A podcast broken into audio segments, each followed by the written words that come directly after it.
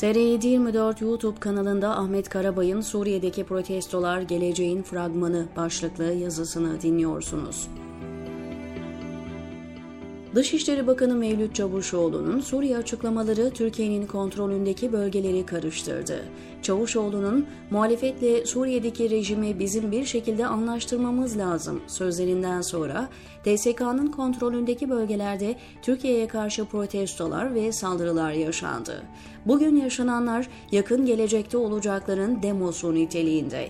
Güney komşumuzda olanların birinci derecede sorumlusunun Beştepe'de oturanlar olduğunu bu toplum bellemedikçe Suriye sorunu çözülmeyecek.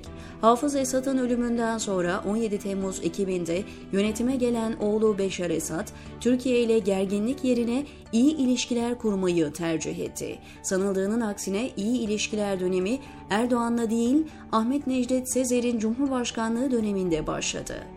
AK Parti'nin iktidara gelmesinden sonra iki ülke arasında Ortak Bakanlar Kurulu toplantısı yapacak kadar sıcak ortam oluşturuldu. Esad ve Erdoğan aileleri günübirlik misafirliğe gidip gelmeye başladılar. Bu temaslar sırasında Türkiye'yi yönetenler bir şeyi fark ettiler. Esad rejiminin dışarıdan görüldüğü kadar güçlü olmadığı kanaatine vardılar. Şubat 2011'de Esad ve yakın çevresinin baskı ve yolsuzluklarına karşı bölgede başlayan Arap Baharı rüzgarının da etkisiyle reform isteyenler sokaklara döküldü. Barışçıl gösterileri engellemek isteyen Esad yönetimi protestoları bastırabilmek amacıyla Türkiye'den job, biber gazı, plastik kalkan talebinde bulundu. Şam yönetiminin basit olaylara bile müdahale edebilecek donanımda olmadığı düşüncesi Erdoğan yönetimini başka bir yola sürükledi. Ankara, Suriye'deki rejim muhalifi Müslüman kardeşlerin uzantısı olan güçleri organize ederek protestoları tırmandırdı. Ülkenin güneyindeki Dera'da başlayan barışçıl gösteriler Nisan ayında kuzeydeki büyük kentlerde çatışma ve kalkışmaya dönüştü. Esad yönetiminin olaylara katılanları terörist ilan ederek sert müdahalede bulunmasıyla ülke iyice gerildi. Dönemin Dışişleri Bakanı Ahmet Davutoğlu'nun 9 Ağustos 2011'de Beşer Esad'la yaptığı 6 saatlik görüşmede Türkiye tarafı Suriye'ye bir dizi reformları hızla hayata geçirmeyi dikte ettirmeye çalıştı. Esad, Türkiye'nin taleplerinin kendilerinin de planları dahilinde olduğunu ama bunların hepsinin 6 aylık bir takvimde hayata geçirilmesinin imkansızlıklarından söz etti. Bu reformları yapacaklarını ve Türkiye'nin desteğine ihtiyaçları olduğunu dile getirdi. Ancak Türkiye tarafı takvim dayatıp talimat isteyince ipler koptu. Bu görüşmeden sonra bir zamanlar Ortak Bakanlar Kurulu toplantısı yapacak kadar dost olan iki komşu ülke iki düşman devlete dönüştü. Türkiye bölgede ne kadar rejim aleyhtarı grup varsa onları silahlandırıp bir çatı altında örgütlemeye çalıştı. Adına Özgür Suriye Ordusu denilen Çeteler Birliği Suriye ordusuna karşı savaştırılmaya başlatıldı. Hatırlarsanız o dönem Başbakan olan Tayyip Erdoğan, fetihçi hislerini ortaya dökerek en kısa zamanda Şam'a gidecek, Emevi Camii'nde namazımızı da kılacağız diyerek Esad'ın devrileceğini ve Suriye topraklarının bir şekilde Türkiye'nin kontrolüne gireceği vaadinde bulunmuştu.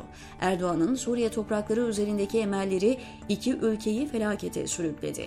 Esad, pabucun pahalı olduğunu görünce çareyi Rusya'ya yanaşmakta buldu. Putin'in Suriye'de elde ettiği iki askeri deniz üssü Esad için can simidi oldu. Yaşanan çatışmalarda 387 bin Suriyeli can verdi, 1 milyondan fazla insan yaralandı, 22 milyon Suriyeliden 7 milyona yakını şu veya bu nedenle doğup büyüdükleri topraklardan kopmak durumunda kaldı. Halen hayatta olup olmadıkları bilinmeyen binlerce kayıp Suriyeli var. Türkiye resmi rakamlara göre 4 milyona yakın Suriyeliye ev sahipliği yapıyor. Erdoğan'ın açıklamasına göre sığınmacılara 2020'ye kadar yılda 40 milyar dolardan fazla para harcandı. Türkiye'yi yönetenlerin bütün entrikalarına rağmen Esad hala ayakta. Bir kısmıyla geçmişten bu yana sorunlar yaşamış olan Suriyeli muhalifler geçen 11 yıl içinde iyice düşmanlaştırıldı. kiminin eşi, kiminin çocukları çatışmalarda can verdi.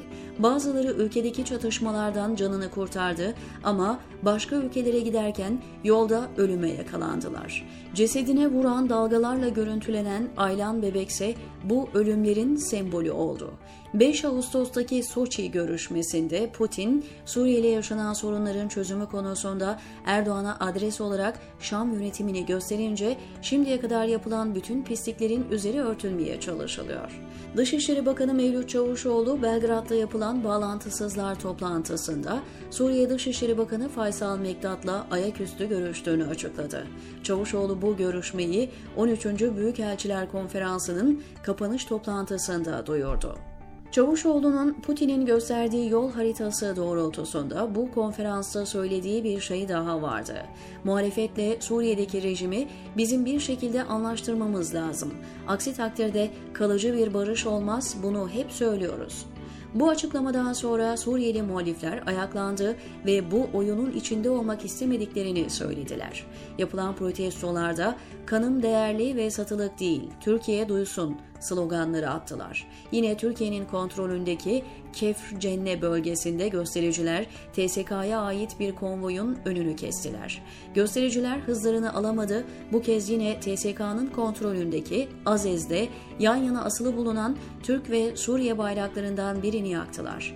TSK Suriye'deki bütün birliklerini alarma geçirerek savaş hali durumuna getirdi. Geçmişte Suriye'nin iç işlerine karışmama ve sorunların Suriye Cumhurbaşkanı Esad'la görüşerek çözülmesi gerektiğini dile getirenler hain ilan edilmiş, bazıları mahkemeye verilip susturulmaya çalışılmıştı. Halbuki bunca çirkinliklerin birinci müsebbibi Beştepe Sarayı'nda oturan şahıs. Türkiye'yi önce komşularıyla düşman, sonra tükürdüğünü yalayarak dost olmak zorunda bırakan Erdoğan'dan başkası değil. Bunlar daha başlangıç. Türkiye'de Suriyelilere yönelik nefret çıtası ise bir tık daha yükseltilmiş olacak. İçerideki tehlikenin boyutları inanın ki Suriye'de yaşananlardan çok daha büyük, diyor Ahmet Karabay TR724'deki köşesinde.